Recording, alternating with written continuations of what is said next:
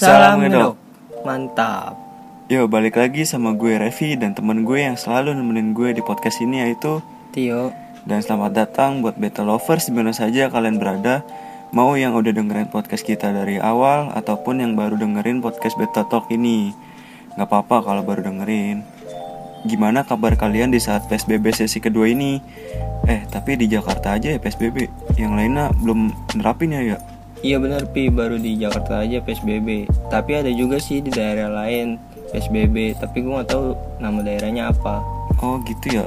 Ya udah semoga di masa pandemi COVID-19 ini yang makin bertambah ini, beta lovers terus ter- terjaga kesehatannya.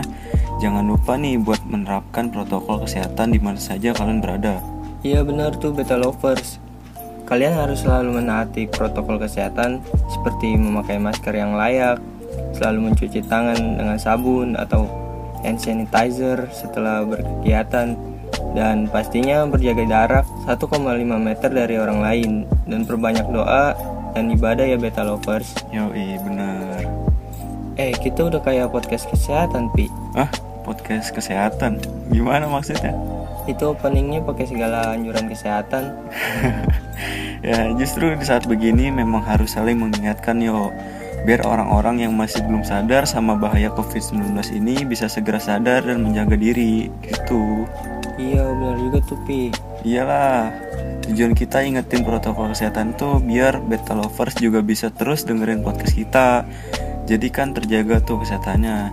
Jadi bisa dengerin terus podcast kita gitu yo. Iya. Terus sekarang kita mau bahas apa nih, Pi? Ntar dulu, sabar ngapa belum selesai ini openingnya. Lah, kan dari tadi udah opening. Udah, ntar dulu. Oke, beta lovers, sebelum kita masuk ke materi, gue dan Tio mau ngucapin banyak-banyak terima kasih buat beta lovers yang setia dengerin podcast Beta Talk ini ya. Kalau konten kita bermanfaat bagi kalian, kalian bisa share podcast kita ya. Biar kita nambah semangat bikin podcastnya. Kalau banyak yang dengerin nih. Nah bener tuh di ya Beta Lovers kalau kalian merasa podcast ini bermanfaat. Oh ya kita mau ngasih tahu juga nih Beta Lovers yang baru dengerin podcast Beta Talk ini. Kalau podcast Beta Talk ini update setiap hari Senin Tenggang waktunya adalah dua minggu sekali nih. Dan buat Beta Lovers yang ingin bertanya, sharing pengalaman, atau mau request materi bisa WhatsApp ke nomor 0896 5231 8557 Sekali lagi 0896 5231 8557 Udah belum Pi openingnya? Udah buset udah gak sabaran banget Mau ngapain sih lu? Gak apa-apa sih gue mah Kasian aja sama beta lovers yang udah nungguin dari tadi Emang lama ya kita opening? Perasaan gue sih lama Tapi gak tahu udah perasaan lu gimana Berat dah kalau ngomong perasaan mah nggak kuat nggak kuat Lambain aja tangan ke kamera Pi kalau nggak kuat mah Mana kamera? Nggak ada yuk Adanya HP doang ini bakal record Udah lambain tangannya dah Kurang kerjaan banget Terus mau bahas apa nih? Oke, first di podcast kali ini Ah, kok diem? Lupa gua apaan ya? Lah gimana? apaan ya? Oh iya, inget gua. Kali ini kita akan ngebahas hal dasarnya lagi nih, yo. Kan kemarin jenis-jenis ikan cupang. Nah, sekarang kita ngebahas perawatan ikan cupang sehari-hari yang baik dan benar nih, beta lovers. Nah mantep tuh Pi, lanjutin dah Mau sekarang apa besok nih bahasnya? Besok aja dah Lah, kelamaan dong. Ntar podcastnya seharian. Nah lagi ngapu nanya begitu orang mah Lu udah opening ya gas lah ya udah biasa aja kali. Hmm, Mulai ya. Oke. Cara merawat ikan cupang yang baik dan benar. Tapi awalnya dulu nih. Ikan cupang terbagi atas tiga golongan yaitu cupang hias, cupang aduan, dan cupang liar. Selain itu, biaya pemeliharaannya yang relatif murah dan karakteristiknya yang tidak interaktif. Ciri-ciri ikan cupang di antaranya mood breeder, yaitu mereka mengerami telurnya di dalam mulut, serta membangun sarangnya dengan busa atau dikenal dengan bubble nest. Sebelum beta lovers memelihara ikan cupang, tentukan dulu jenis yang akan dipelihara nih beta lovers. Beta lovers bisa memilih cupang aduan, cupang hias, dan cupang alam atau cupang liar. Kalau belum bisa bedain mana cupang aduan, cupang hias, dan cupang alam gimana Pi? Nah, makanya itu beta lovers harus dengerin podcast kita sebelumnya, yaitu tentang jenis-jenis ikan cupang. Oh iya ya lanjut Pi Oke, lanjut. Untuk ikan aduan, pastikan memilih ikan yang kuat fisik dan mentalnya, dan tentunya sehat. Kalau beta lovers ingin memelihara ikan cupang hias, pastikan beta lovers memilih warna yang menarik dan bentuk yang bagus, dan pastinya sehat juga nih. Kemudian, jika beta lovers ingin memelihara ikan cupang liar atau cupang alam, maka beta lovers harus memilih cupang alam yang sesuai dengan kondisi alam sekitar tempat tinggal beta lovers ya. Pilih juga ikan cupang alam yang bagus, unik, dan sehat tentunya. Agar punya umur yang panjang, beta lovers harus tahu gimana cara merawat ikan cupang yang baik dan benar. Nah, yang pertama, kita harus ada persiapannya nih. Jika kalian baru membeli ikan cupang, maka hal dasar pertama yang harus disiapkan adalah wadah, air bersih, pakan yang baik, garam ikan, serta obat ikan. Lalu ada beberapa hal yang harus diperhatikan dalam menyiapkan segala kebutuhannya. Hal yang harus diperhatikan adalah yang pertama, wadah atau soliter untuk ikan cupang. Wadah cukup penting bagi ikan cupang. Wadah ini berpengaruh sekali terhadap pertumbuhan ikan cupang. Ukuran wadah juga bisa menjadi penentu stres pada ikan cupang. Misalnya, jika kita mempunyai ikan cupang yang ditempatkan pada wadah yang kecil, maka ikan cupang itu akan merasa tidak bebas bergerak dan akan stres yang bisa membuat ikan cupang itu lompat dan akhirnya mati nih beta lovers. Namun sebaliknya, kalau kalian menyimpan ikan cupang di wadah yang lebih besar, maka ikan itu akan luasa berenang dan bertumbuh pesat, tidak mudah stres karena wadah yang sempit. Berikut adalah ukuran wadah atau seliter yang sesuai dengan jenisnya. Yang pertama ada plakat atau half moon atau krontel. Ini sama ukurannya yaitu 10 kali 10 kali 15 sampai dengan 15 kali 15 kali 20. Terus yang kedua ada ukuran untuk cupang giant atau cupang alam. Yaitu ukurannya 15 kali 15 kali 20 sampai dengan 15 kali 30 kali 20 nih. Jadi lebih lebar lebar gitu biar leluasa berenangnya karena ukurannya yang lebih besar. Terus yang kedua yang harus dipersiapkan itu air. Air adalah media yang paling berpengaruh bagi pertumbuhan ikan cupang, kesehatan ikan cupang, dan lain-lain. Sumber air boleh dari mana saja nih beta lover, seperti air tanah, air sumur, air pam, air hujan, dan lain-lain. Air yang baik bagi ikan cupang adalah air yang telah diendapkan selama 1-3 hari dengan pH yaitu 7. Gunanya dari air yang telah diendapkan ini adalah agar pas dengan ikan cupang tersebut. Terus yang ketiga, garam ikan. Stok garam ikan yang penulisan dibicarakan bukan garam dapur. Garam untuk ikan hias beda loh dengan garam dapur nih beta lovers. Garam khusus ini berfungsi sebagai penyeimbang osmosis dalam tubuh ikan cupang. Ini bisa membantu penyembuhan luka dan menstabilkan metabolisme tubuh mereka. Garam ini juga bermanfaat supaya ikan cupang lebih aktif berenang atau lebih agresif. Jangan beri terlalu banyak garam. Dosis normalnya yaitu 0,1% dari air atau 10 gram per 1 liter air. Kalau untuk sekedar memperbagus sirip, sedikit saja cukup kok. Dosis garam ikan hias ini cukup tinggi. Jangan sampai menambahkan terlalu banyak. Ingat, kamu pelihara ikan hias bukan ikan teri. Jadi asin gitu kan. Terus yang harus dipersiapkan yang keempat itu pakan yang baik meskipun sudah banyak tersedia pakan cupang yang bisa langsung digunakan tentu memvariasikan pakan ikan cupang dengan ragam makanan ikan cupang alami lainnya akan bantu memperkaya nutrisi dan meningkatkan gizi bagi ikan cupang kesayangan beta lovers. Dengan gizi yang baik, ikan cupang tidak hanya jadi lebih sehat, namun warna ikan cupang juga akan terlihat lebih cerah dan indah khususnya bagi beta lovers yang memelihara ikan cupang hias. Biar ikan kita sehat, terus warnanya bagus kasih makan apa tuh Pi? Nah, gue jelasin nih, gue sebutin juga. Ingin warna cupang terlihat lebih cerah dan sehat, berikut pilihan makanan cupang alami yang bisa beta lovers berikan pada ikan cupang untuk meningkatkan asupan nutrisi pada ikan cupang nih. Nah, yang pertama ada jentik nyamuk. Salah satu makanan untuk ikan cupang paling umum adalah jentik nyamuk atau yang biasa disebut dengan encu nih. Gak cuma mudah didapetin, makanan ini juga kaya akan protein yang cocok untuk pakan ikan cupang remaja yang masih dalam masa pertumbuhan. Untuk bisa mendapatkan jentik nyamuk, Beta lovers bisa mengisi sebuah ember dengan air bekas cucian beras dan ditempatkan di tempat yang gelap namun terbuka dan tunggu beberapa hari hingga muncul jentik-jentik nyamuk yang ada dalam airnya nanti. Nah, kalau beta lovers males nih nungguin jentiknya pada tumbuh, makanan Jepang yang satu ini juga bisa didapetin di pasar-pasar ikan hias. Harganya juga sangat terjangkau. Biasanya sih ya 5000 lah plastik. Terus gue pernah pe beli cu terus gue taruh wadah gitu kan ketutup eh gue lupa kasih ke cupangnya eh pas gue cek lagi dan gue buka ber nyamuk pada terbang Parah bener ternak nyamuk. Eh, itu rumah gue banyak nyamuk lagi Udah lanjut ya. oke Nah yang kedua nih beta lovers ada cacing darah. Cacing darah juga eh, disebut dengan bloodworm yang terkenal akan warnanya yang merah menyala. Eh, cacing darah ini adalah pilihan pakan untuk ikan cupang selanjutnya yang bisa jadi pilihan beta lovers nih. Meskipun bergizi, protein dari cacing darah bisa dibilang tak setinggi jenis-jenis makanan ikan cupang lainnya.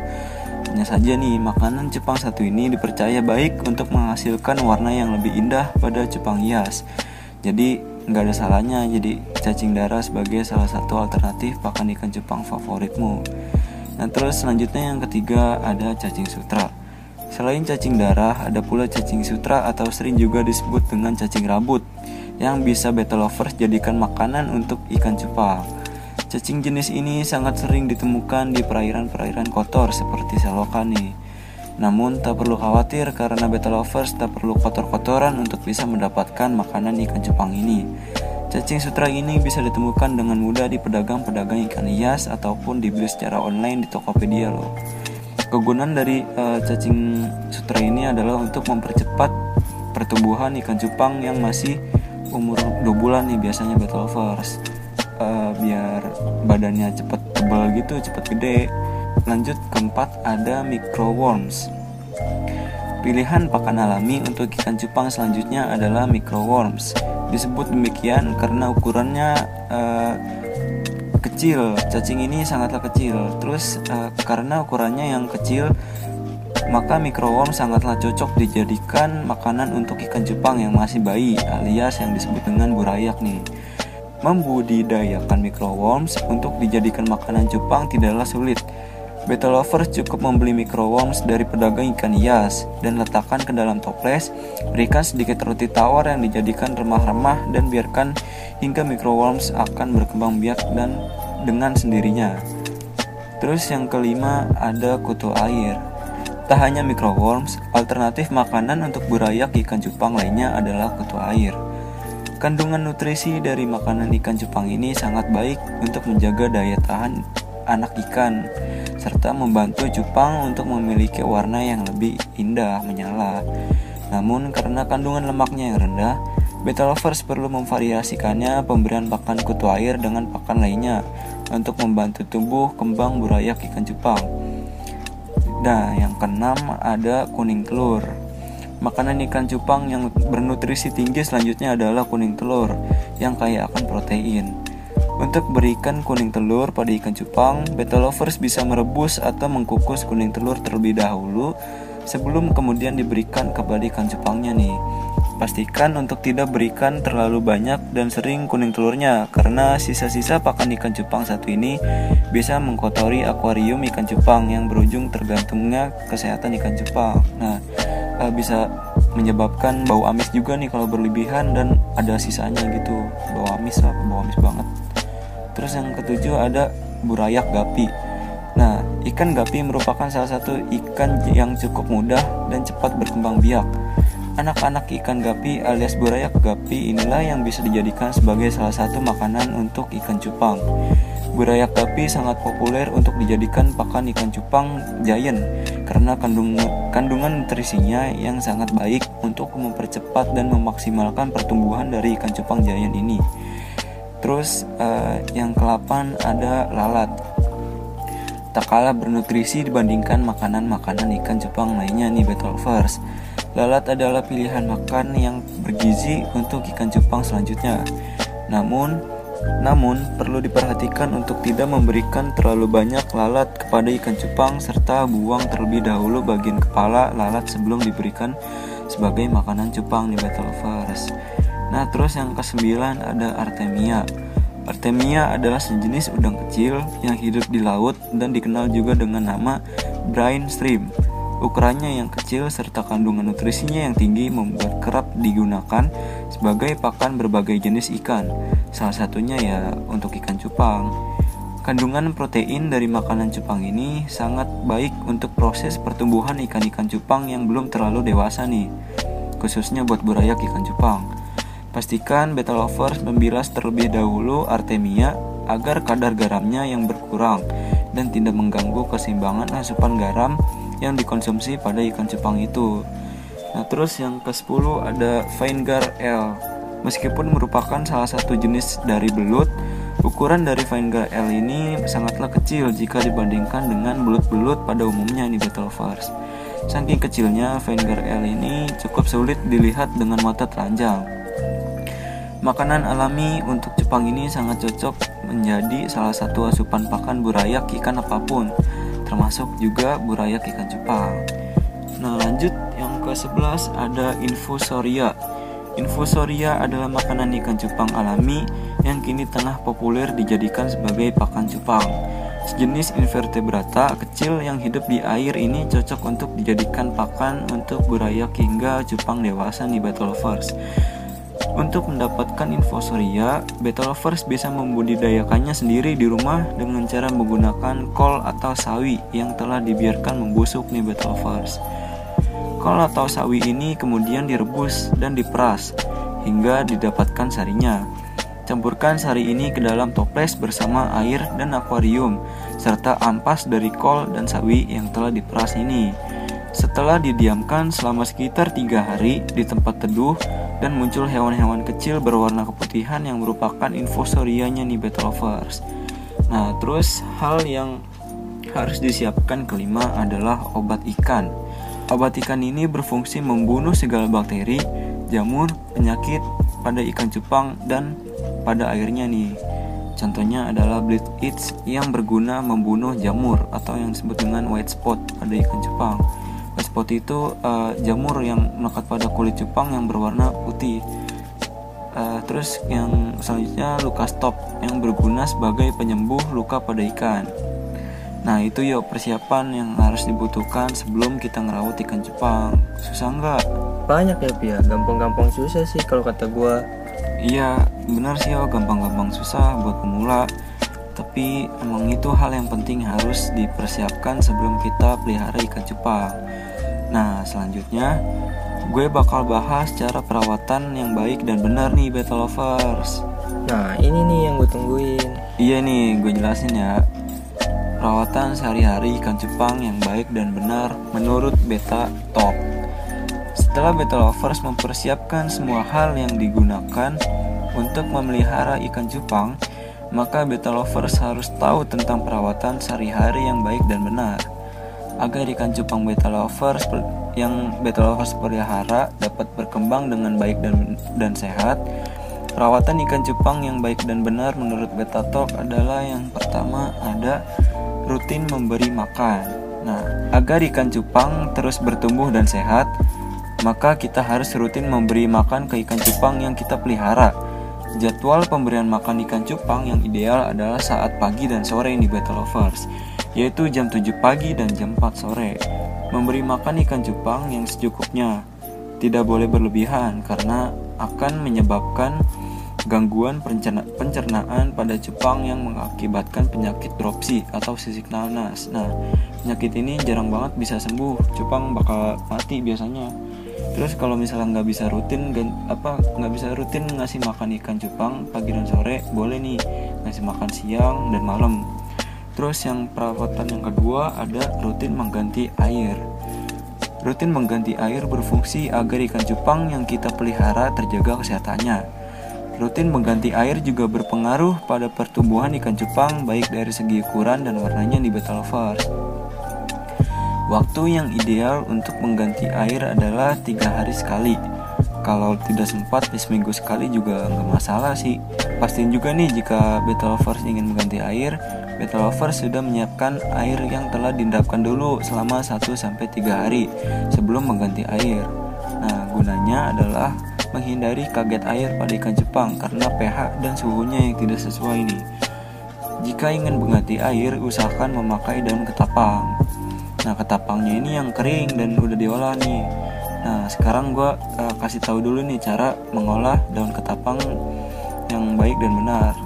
Cara mengolah daun ketapang itu beragam. Berikut cara mengolah daun ketapang ala betatok. Cara yang pertama, da uh, daun ketapang kering yang baru diambil harus dicuci dengan air bersih terlebih dahulu di wadah yang telah disiapkan di Betovars. Airnya bisa ditambah dengan garam ikan dan obat-obatan lainnya. Setelah itu, kita masukkan semua daun ketapang ke dalam wadah pencucian. Lalu aduk daun ketapang agar kotoran yang menyangkut bisa terlepas. Setelah itu, kita mengusapkan jari ke permukaan daun yang masih kotor. Setelah itu, kita tiriskan daun ketapangnya, lalu diperas nih battle lovers. Kemudian, kita masukkan daun ketapangnya ke kantong plastik untuk difermentasi. Ikat ikat plastiknya sampai rapat dan diamkan sekitar 3 hari. Uh, lebih lama lebih bagus sih 3 sampai 7 hari lebih bagus. Lalu setelah difermentasi, daun ketapang dikeluarkan, lalu dijemur selama 24 jam nih battle lovers. Setelah dijemur, baru daun ketapang itu siap dipakai untuk ikan ikan cupangnya nih. Nah, cara yang kedua ini uh, lebih instan. Caranya adalah daun ketapang yang baru diambil harus dicuci terlebih dahulu.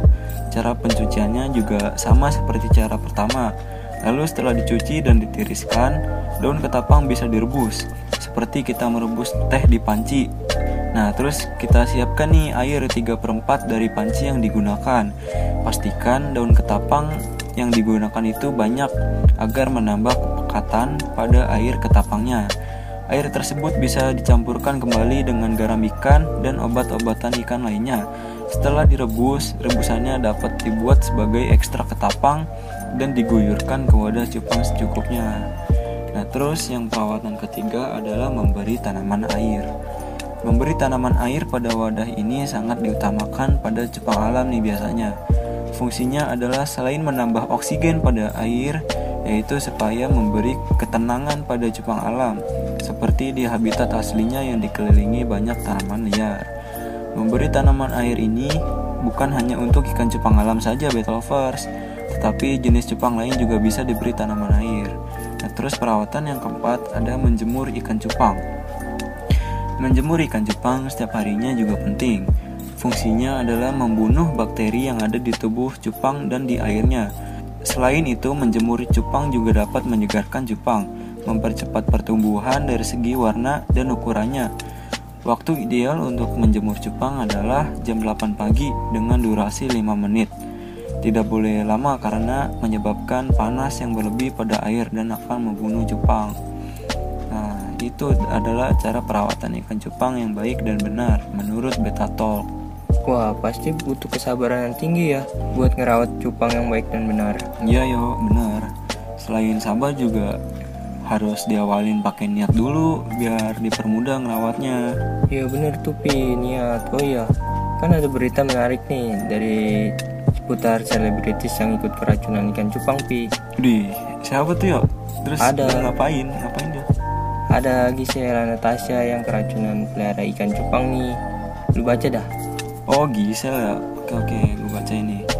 Dikutip dari kompas.com artis peran Gisela Anastasia diketahui punya hobi baru nih Battle Lovers yakni memelihara ikan cupang. Seraya memberi tips uh, cara merawat ikan cupang Giselle mengingatkan bahwa memelihara ikan cupang ini harus dibutuhkan komitmen. Meskipun berukuran kecil, Giselle ungkap bahwa ikan cupang juga butuh perawatan, mulai dari akuarium untuk tempat tinggal hingga jenis makanannya. Menurut Giselle, biasanya ikan cupang diberi makan pelet, tetapi jenis dan harga pelet bervariasi sesuai dengan isi kandungan di dalamnya, seperti vitamin. Nah, terus uh, Ternyata ikan cupang juga bisa diberi makan cacing darah seperti yang dilakukan Giselle. Namun Giselle mengingatkan untuk yang tidak bisa berkomitmen untuk memberi makan ikan cupang dengan cacing darah, sebaiknya terus diberi pelet. Nah, tapi sebaliknya kalau kasih makan cacing ini, dia jadi manja, kayak kita makan steak, terus dia jadi terus dia jadi nggak mau makan tempe, which is is pelet tadi, tutur Gisel dalam kenal YouTube Gisela Anastasia dikutip dari kompas.com nih. Jadi kalau kamu dari pertama nggak bisa komitmen untuk kasih makan cacing, mendingan jangan. Lebih gampangnya pakai pelet, lebih simple karena nanti sudah keenakan sama cacing yang baunya amis banget, kata Gisel melanjutkan. Terus uh, katanya selain pelet dan cacing darah, ikan cupang bisa diberi makan udang yang sifatnya lebih alami dan tanpa bahan kimia. Sayangnya koleksi ikan cupang miliknya tersebut tidak suka diberi makan udang. Jadi ikannya didietin jangan dikasih makan supaya lapar, terus dikasih pelet. Nah nanti dia mau makan pelet. Opsi lain bisa kasih udang lebih alami, nggak ada bahan kimia dan nggak kotor, ujar Gisel. Sebelumnya, Gisela Anastasia membagikan tips memberi makan ikan Jepang.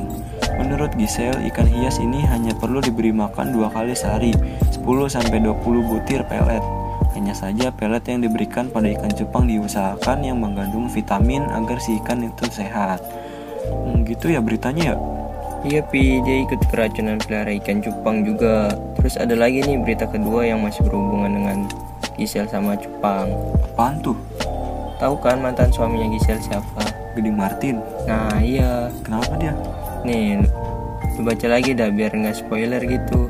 Nah, Oke dah sini gue baca lagi. Oke, di, dikutip dari kompas.com juga, aktor Gading Martin yang mengunjungi rumah mantan istrinya, Gisela Anastasia alias Gisel, untuk bertemu dengan putrinya Gempita Nora Martin atau yang biasa disapa Gempi. Saat masuk ke ruang tamu, Gading kaget dengan banyaknya ikan cupang yang berjejer di dalam akuarium yang ada di rumah. Nah, lucunya Gempi juga memperkenalkan peliharaan terbarunya itu satu persatu pada sang ayah nih Battle Lovers. Saat ditanya siapa yang punya hobi baru pelihara ikan cupang, Gempi menjawab kalau dirinya dan sang mama, Gisela, yang punya hobi tersebut. Kenapa sih tiba-tiba keracunan ikan cupang? Tanya Gading kepada Gisel. Ternyata awal Gisel menyukai ikan cupang karena melihat kerabatnya yang memelihara ikan berukuran kecil itu. Pertama dikasih lah, jadi suka, akhirnya beli. Terus cerita ke orang kalau lagi suka cupang, eh dibeliin. Kata Gisel begitu nih Battle Lovers. Ada cerita unik dari ikan cupang kedua yang bernama Zora. Ketika terlalu penuh mengisi air, Zora bisa melompat ke akuarium nih. Bisa keracunan gitu ya. makin rame yang main cupang mah. Iya pi gitu. Wah nggak terasa yuk. Kita udah di penghujung pembahasan yuk. Lah iya ya nggak kerasa juga gue oke deh buat beta lovers yang merasa kalau konten kita bermanfaat share dan dengerin terus ya podcast beta talk ini. Kita bakal upload dua minggu sekali di hari Senin. Oke, buat battle lovers yang ingin bertanya, sharing pengalaman, atau request pembahasan, bisa WhatsApp ke nomor 0896 5231 8557 Sekali lagi 0896 5231 8557 Pertanyaan yang masuk nantinya akan kita jawab di materi yang berhubungan sama pertanyaannya ya Betolvers Nah waktunya sekarang kita undur suara dulu ya. Gue Tio. Dan gue Repi. Sampai ketemu di podcast selanjutnya. See you and bye bye